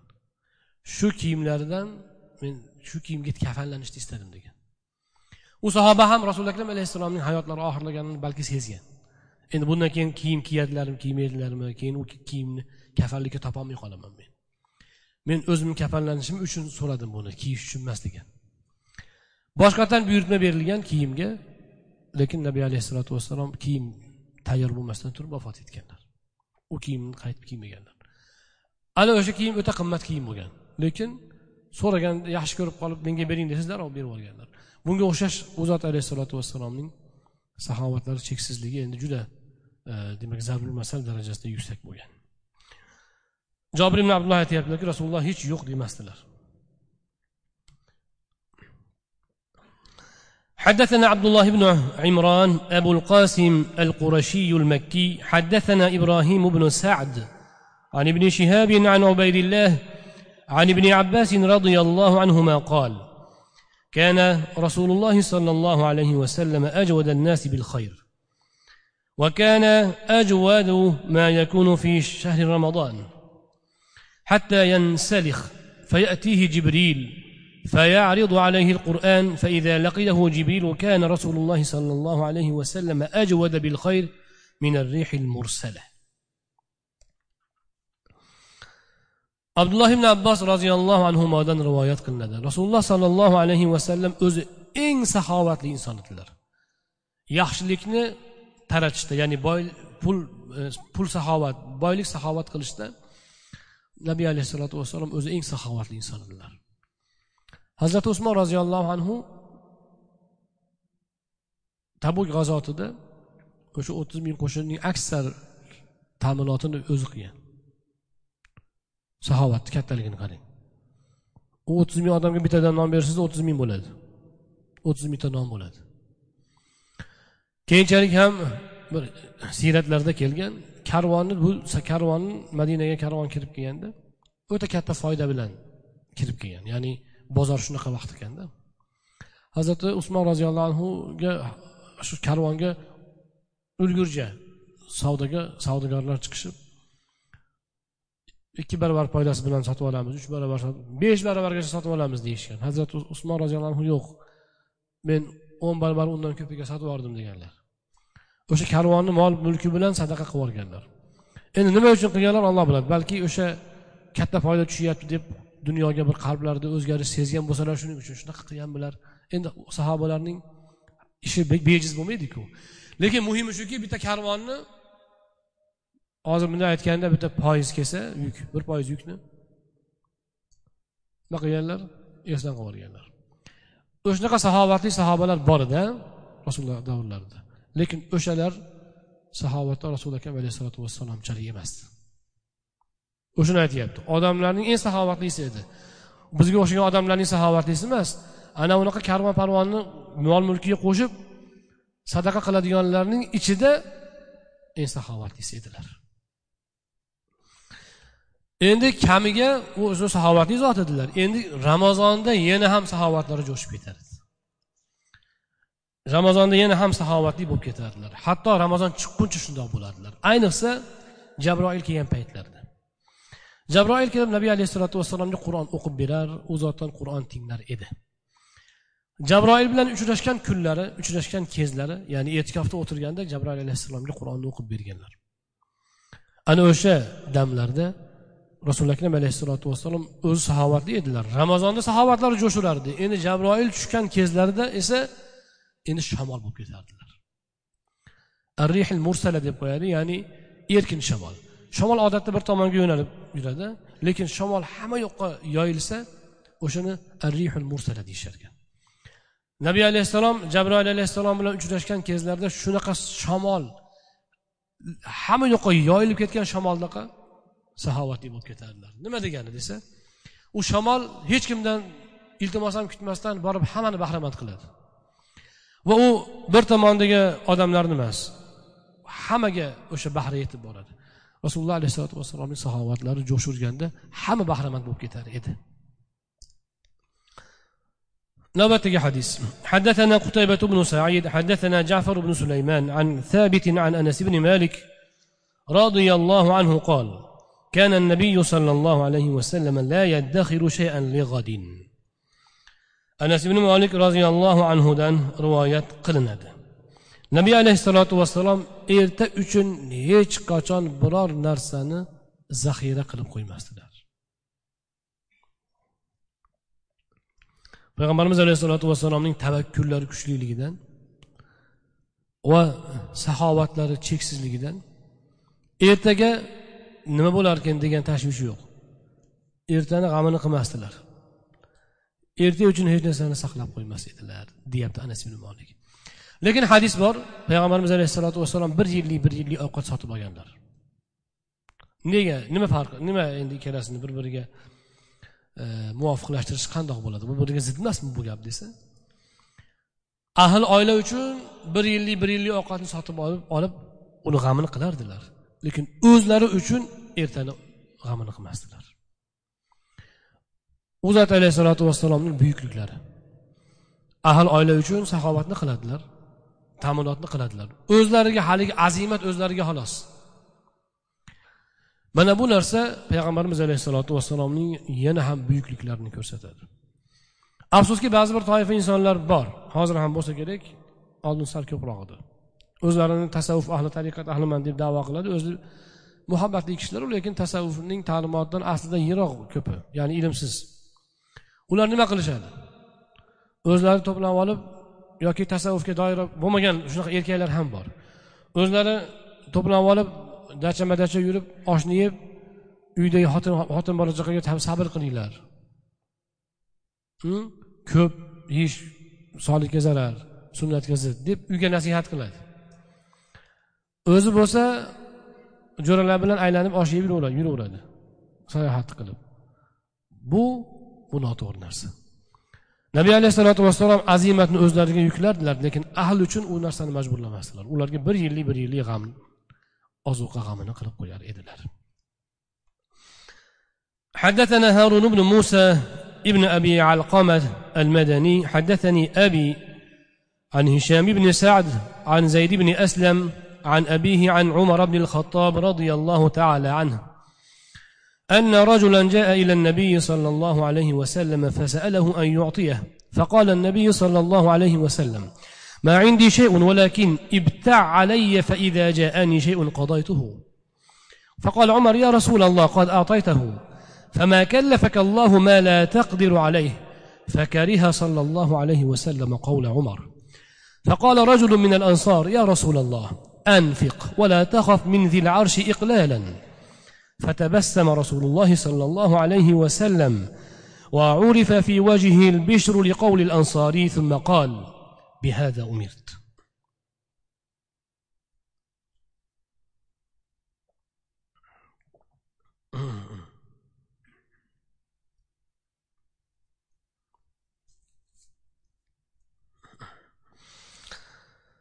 Umar ibn Hattab raziyallahu anhudan rivoyat qilinadi. Bir kishi nabiy alayhissalotu vassalomning huzurlariga kelib narsa so'rabdi. Mana bu hadisni zo'rligini qarang. Hozir bu yana ham qoyil qilasiz bir odam kelib nabiy alayhissalotu vassalomning huzurlariga kelib narsa so'rabdi. Bir narsa so'rasa bir narsa bering deb so'rasa nabiy alayhissalotu vassalomni huzurlarida hech narsa yo'q ekan. Lekin bergilari kelyapti. Himmat balandku. Saxiy odam shunaqa. O'zida yo'q yana bergisi kelaveradi. Bergilari kelyapti. Nima chora qildilar? Aytdilarki mayli birorta bilan savdo qilib biror narsa sotib oldi meni zimmamga yuklab qo'y qarzni. Men narsalar kelgan paytda o'shani qo'limda narsa bo'lganda o'shani to'lab men o'zim uni hal qilib qo'yaman. Hozir hech narsa yo'q lekin saxovatni qarang. Hozir hech narsa yo'q. Haligi aytdiyu jabir ibn abdulloh rasululloh hech kimga yo'q demasdilar. Yo'q yo'q degilar kelmayapti. Hozir hech narsa yo'q iloji yo'q. Lekin bitta imkoniyat bor kimdandir bir savdo qilib qarzni menga yuklab qo'yib ket men o'zim sekin uzib qo'yaman uni. Shu chora bor. Shunda hazrati umar roziyallohu anhu u kishi sal jur'atliroq bo'lganlar haligi e, nabiy alayhissalotu vassalomni ehtiyot qilganlar ko'p. Yo rasululloh siz qodir bo'lmagan narsaga majbur emassizku bunga oldin bergansiz. Hozir yana so'rab kelibdi. Bu safar yo'q deb qo'ysangiz bo'lmaydimi? Yo'qki o'zi hech narsa. Axir siz qodir bo'lmagan narsangizga majbur emassizku olloh sizga qodir bo'lmagan narsangizni buyurmaganku yo rasululloh dedi hazrati umar. Hazrati umarning gapi o'zi noto'g'ri gap emas edi har qanaqa odam aytishi mumkin bo'lgan gap edi. Lekin nabiy alayhissalotu vassalomga yoqmadi. Nega? Baribir payg'ambar alayhissalotu vassalom qilmoqchi bo'lgan himmatdan to'xtatayotgan gap bo'ldi u. Shuning uchun yoqtirmadilar. Uni sezgan ansoriylardan bir kishi ya rasululloh infoqni qiling. Bering o'shani ho zo'r ish qilyapsiz. Qo'rqmang siz arshning zil arsh ya'ni arshning egasi bo'lgan zot sizni faqir qilib qo'yishidan qo'rqmang. Ya'ni u zot sizni faqir qilib qo'ymaydi. Arshning egasi bo'lgan zot ya'ni butun borliqni moliki bo'lgan zot sizni albatta bu aytaylik qarzingizni uzishingizga yordam beradi o'zi. Faqir qilib qo'ymaydi. Qo'rqmang yo rasululloh bering o'shanga ho'p o'sha ishni davom ettiravering dedi ansoriy. Nabiy alayhissalotu vassalom rasululloh alayhissalotu vassalom kuldilar. Kulib u ansoriyning gapi yoqqani yuzlaridan bilinib ketdi. Keyin aytdilarki bihada umirt men mana shunga buyurilganman. Ya'ni shunaqa saxovatga buyurilganman.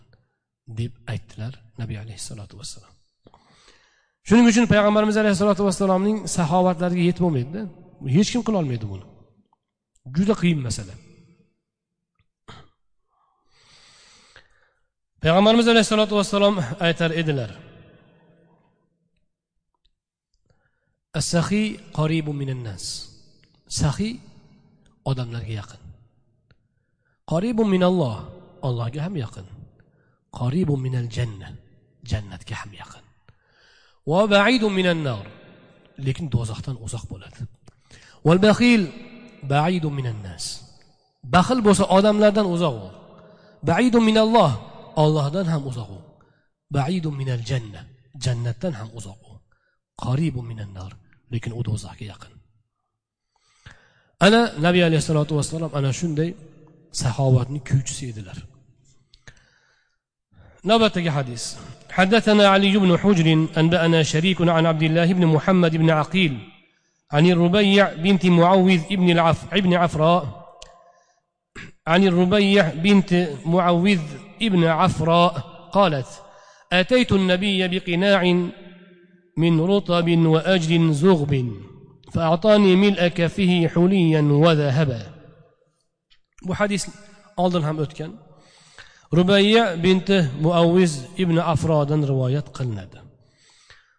Rubayya aytadiki nabiy alayhissalotu vassalomning huzurlariga bitta laganda tovoqda xurmo va mayda tarra olib keldim.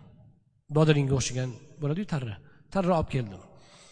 Ya'ni sahobalar yangi uzilgan mevalardan hosillardan nabiy alayhissalotu vassalomga doim nasiba chiqarishar edi. Bu ularning demak e, payg'ambar alayhissalomga qilingan fido qilgan fidokorliklaridan biri edi. Ixloslaridan edi. Nabiy alayhissalotu vassalom esa hadyani quruq qaytarmasdilar. O'zi nima endi bir tovoq bodring nima bo'ladi xurmo bilan? Eng arzon narsalar o'sha ularni hozir ham qimmat narsa emas. Lekin unga haligi qizchaga nabiy alayhissalotu vassalom undan katta iltifot qildilar. Qo'llarimni taqinchoq tillarga to'ldirib jo'natib yubordilar deydi. haligi qizchani qo'lini taqinchoq tillaga to'ldirib jo'natib qaytardilar. حدثنا علي بن خشرم وغير واحد قالوا حدثنا عيسى بن يونس عن هشام بن عروة عن أبيه عن عائشة أن النبي صلى الله عليه وسلم كان يقبل الهدية ويثيب عليها عائشة رضي الله عنها دان روايات قلنا النبي عليه الصلاة والسلام حد قبول قلار دلار وأن دائم mukofotlardilar o'rniga narsa qaytarar edilar. Payg'ambarimiz alayhissalotu vassalomning buyukliklari shunaqa katta dargoh edi birov olib keladi qo'yib qo'y derdilar hojatlariga yarasha yeb ozgina duo qilib shunaqa qilardilar. Keyin ikkinchi odam keladi ol olib ket. Mana shunaqa edilar. Shunga o'xshagan tasavvuf mashoyihlar o'tgan. Andijonda bizga boboni bobosi bo'ladi xoliqberdi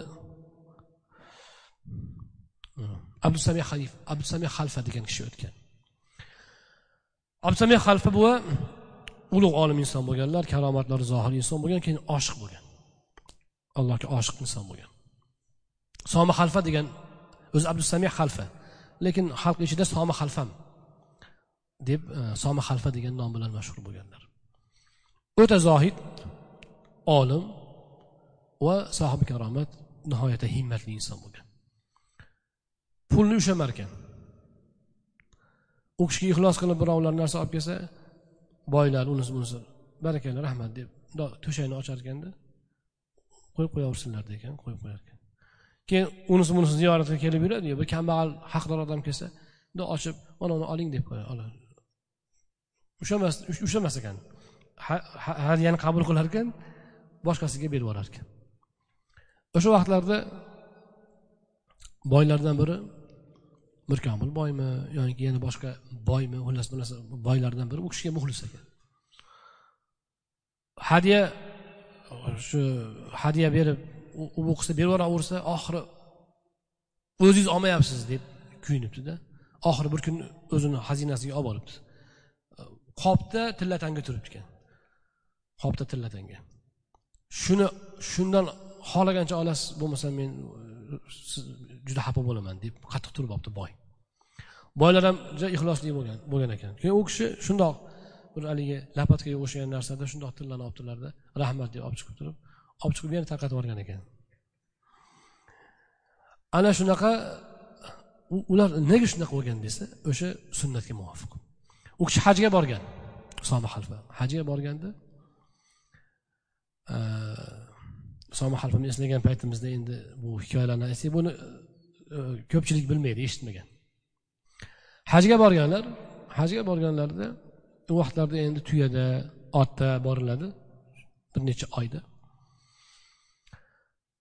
Qizil dengizdan o'tayotganda yoki qaysidir e, dengizdan o'tayotganda chekkaga chiqib shu haram demak e, haram hududiga yaqinlashib qolgan payt bo'ladida endi. Yoki arab jazirasida orolga kirib borgan payt. Yarim orolga.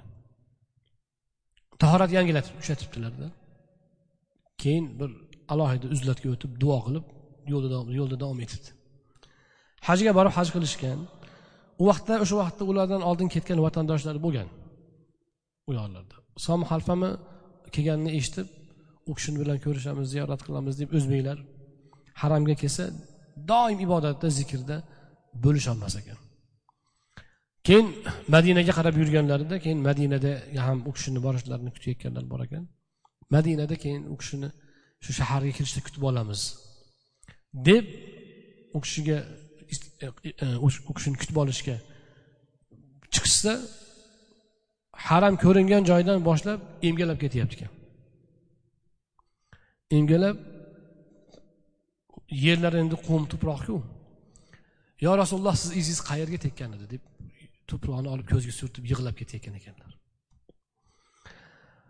Yo rasululloh siz izingiz qayoqqa ketayotgan dedi. Deb mana shundoq iltijo bilan. U kishiga hajni qilib qaytgan. Qaytayotganda o'sha ketayotganda to'xtagan joyda to'xtab tahorat ushlatgan keyin aytgan ekanki alhamdulillah allohdan so'rovdim berdi. Yo rob seni muqaddas zaminingga keldim. Iltijoyim shuki bu joyga mendan najosat tushmasin deb duo qilgan ekanlar. Borib kelguncha qazoyi hojat qilmagan ekan.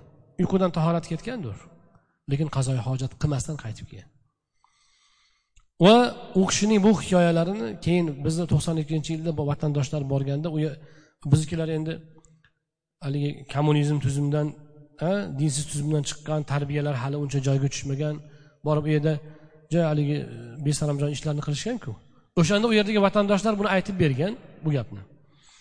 Uni bu yerdagilar ham aytib berishar edi. Bu o'zimizni vatandagilar ham kattalar. Mana shundoq qilib qaytib kelgan. Qaytib kelayotib e, andijondan asaka bir o'n besh yigirma kilometr nariroqdagi joy. Asakaga kelgan payt asakaga kelgan paytda yonidagi xizmatkorga aytibdiki meni uyimdan fir'avnni qorunni hidi kelyapti debdi.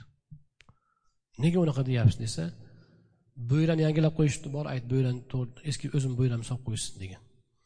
U u kishi hajdan kelishiga bir bir e, qo'shnisi bu ixlos qilib endi hajdan kelsalar yangilab qo'yaylik deb uyni ishlarini bo'yralarini yangilab shunaqa chiroyli qilib qo'yishgan ekan. Lekin u kishi shu anaqa hmm, zohidlikni istagan odam bo'lgani uchun alloh shunga yarasha u kishiga mana shu maqomlarni bergan ekan. U kishining oshiqliklari shundaki bir kuni madrasada o'tirib madrasada o'tirib so'rida o'tirib endi zikr qilib o'tirsa bir bulbul bulbul. Gulga o'zini urib yana uchar ekan bulbul gulga oshiq deydiku u bor narsa ekan. Dalaqa chiqarganda gulni ko'rib gulga qarab chiyillab tushib o'zini urar ekan shunaqa uchib gulga o'zini urib urib oxiri o'libdi o'shada. O'lib og'zidan qon kelib qolgan. Shunda u kishi aytgan ekanki yo alloh qani endi banda seni ishqingda shunaqa bo'lsa? Qani endi men seni ishqingda og'zimdan qonim kelsa edi degan ekanlar. Vaqt o'tib vaqt soat kelib u kishi vafot etganda og'zidan qon to'xtamagan ekan. Og'zidan o'sha qon shu niyatlariga yarasha shahodatni alomati endi bu ham. U kishini hassasi bor hozir biz shu yashagan joylariga kirganmiz. Hassalari bor uzun hassalari bor. O'sha hajga birga o'sha hassani e, o'sha hassa bilan hajga borgan deyishadi. Ana shundoq kishilar yaqinda ham o'tgan. Ular nimasi bilan ulug' bo'lgan desa ular payg'ambarimiz alayhissalotu vassalomga har bir qadamda ergashishga uringan. Va ana shundoq maqomlarni alloh ularga ham nasib etgan. Ular payg'ambarimiz alayhissalotu vassalomning chiroqlaridan bir shu'la o'ziga nasib olgan odamlar. Lekin nabiy alayhissalotu vassalomning buyukliklari esa u cheksizdir.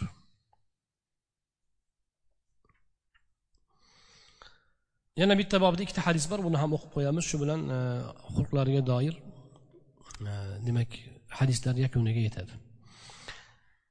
Hozir o'qiydigan bobimiz nabiy alayhissalotu vassalomning hayolari haqidagi bob. Lekin oldingi bobga men yakun yasamoqchiman bitta so'z bilan bitta xulosa aytmoqchiman.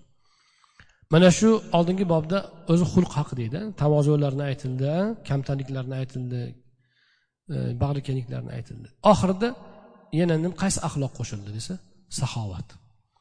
Demak saxovat saxiylik ham qo'li ochiq bo'lish ham bu ham husni xulqdan hisoblanadi. Bizda husni xulq degan tushuncha juda doirasi kichayib ketgan. Faqat qulluq qulluq qilsa husni xulq bo'lib qo'ygan.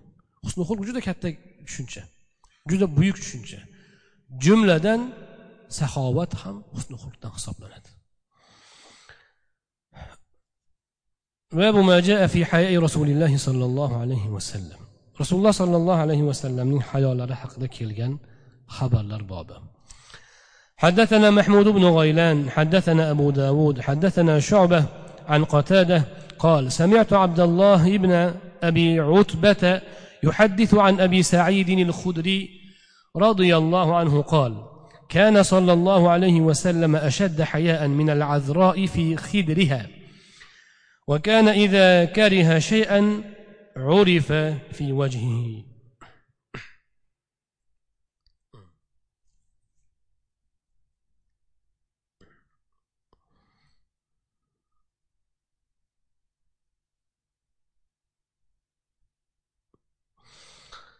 Abu said hudriy roziyallohu anhudan rivoyat qilinadi. Nabiy alayhissalotu vassalom hidrdagi bo'yga yetgan voyaga yetgan bokira qizdan ham hayolari qattiq edi. Hidr deb darparda deganga o'xshagan gap. Oldinlari uylar juda ko'p bo'lmagan bitta uy qurib shu uyni uyda yashashavergan keyin qizlar voyaga yetsa uyning bir chekka bir tomonini bo'lib berishar ekan biz shunaqa uylarni ko'rganmiz. O'zimiz andijonda ham kattalarida shunaqa uylar bo'lardi. Bir tomonni bo'lib qo'yadi. Uylar ko'p bo'lmagan ekanda oldin. O'sha pardani ortida voyaga yetgan qizlar alohida o'tirishadi o'sha yerda yotib turishadi. O'sha qidirdagi qizlar voyaga yetgan bo'yiga yetgan qizlar hayoda zarbul masal bo'ladi. O'zi hayoda ayol kishi zarbul masal bo'ladi. Bizda ham qiz borku qiz bolaga o'xshab uyatchang. Degan gap bor. Ya'ni ayol zoti xususan qiz bola hayoda iffatda zarbul masal hisoblangan qadimdan. Endi o'zi ayol hayo ramzi uning hayosi eng cho'qqiga chiqqan payt voyaga yetib lekin hali turmushga chiqqan chiqmagan payti bo'ladi. Voyaga yetgan lekin hali turmushga chiqmagan. Ya'ni, ya'ni unga hali birov qo'l uzatmagan payt. Azro deb qo'yadida arablar buni. Voyaga yetgan turmushga chiqmagan qizni. Azro degani o'zi uzrdan olingan. Nega desa unga teginish o'zi uzrli. Ya'ni unga hali hech kimni qo'li tegmagan deganda. Ana o'shanaqa qiz qanchalar uyatchang bo'ladi? U turmushga chiqqandan keyin ancha hayoda o'z o'zidan hayo sal chekinadi. A keyin yana bola chaqali bo'lsa yana yoshi katta bo'lganda yana ham hayosi sal susayishi mumkin. Lekin eng tortinchoq uyachan payti qachon bo'ladi desa o'sha turmushga chiqmagan bo'yiga yetgan payti bo'ladi. Nabiy alayhissalotu vassalomning hayolari o'sha qizlarning hayosidan ham qattiq edi payg'ambarimiz alayhissalotu vassalom aytganlar har dinning xulqi bor islomning xulqi hayo deganlar. Yana bir kishi birovni ayblayotgan ekan. Uyatchangsan tortinchoqsan hayoying bor mana shunaqa zarar ko'rib yuraverasan shunaqa qilib. Deb hayoni salbiy bir oh, ohangda tilga olayotgan ekan. Shunda nabiy alayhissalotu vassalom to'xta deganlar hayoni yomonlama chunki hayo bor joyda faqat yaxshilik bo'ladi. O'zlari ham o'ta hayoli edilar va uyat hayolari yuksakligidan bir narsani yoqtirmasalar yuzlaridan bilib olinar edi. shuni aytishga ham gohida botinmas ekanlar payg'ambarimiz alayhissalotu vassalomning bu holatlarini bu buyukliklarini sahobalar ham onalarimiz ham nihoyatda ehtiyotini qilgan u zot alayhissalotu vassalomga bir narsa yoqmasa yuzlaridan bilindimi bo'ldi shuni to'xtatishgan shundan hazir bo'lishgan حدثنا محمود بن غيلان حدثنا وكيع حدثنا سفيان عن منصور عن موسى بن عبد الله بن يزيد الخطمي الخطمي عن مولى لعائشة قال قالت عائشة رضي الله عنها ما نظرت إلى فرج رسول الله صلى الله عليه وسلم. أو قالت ما رأيت فرج رسول الله صلى الله عليه وسلم قط.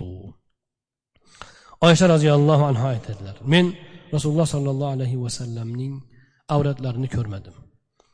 Yoyinki rasululloh sollallohu alayhi vasallamning avratlarini hech ham ko'rmaganman dedilar oysha roziyallohu anhu yana mashhur hadis bor. Oysha roziyallohu anhudan ma roaytu minhu va la roa minni deganlar. Rasululloh alayhissalotu vassalom ham mening avratimga nazar solmaganlar men ham u zotning avratlariga nazar solmaganman deganlar. Yana ummu salama roziyallohu anhodan rivoyat qilinadi. Nabiy alayhissalotu vassalom ayollarga yaqinlashmoqchi bo'lganlarida ko'zlarini quyi qilib olar ekanlar. Ya'ni ana shu mm, muboshorat mubosharat paytida ko'zlarini quyiroq qilib olar ekanlarki nazarni o'shanda ham ehtiyot qilar ekanlar. Bu nabiy alayhissalotu vassalomning hayolari o'ta yuksakligidan edi deydilar musannif rahmatullohi alayhi lekin bu shar'an hukmi qandoq? Shar'an hukmi qandoq shar'an joiz. Shar'an er xotin bir biriga yuz foiz barcha tanasi halol hisoblanadi e, qarashi ham ushlashi ham. Lekin nabiy alayhissalotu vassalomning hayolari u zotning demak tortinshoqliklari buyukliklari u u zotning demak ixtiyorlari mana shundoq edi.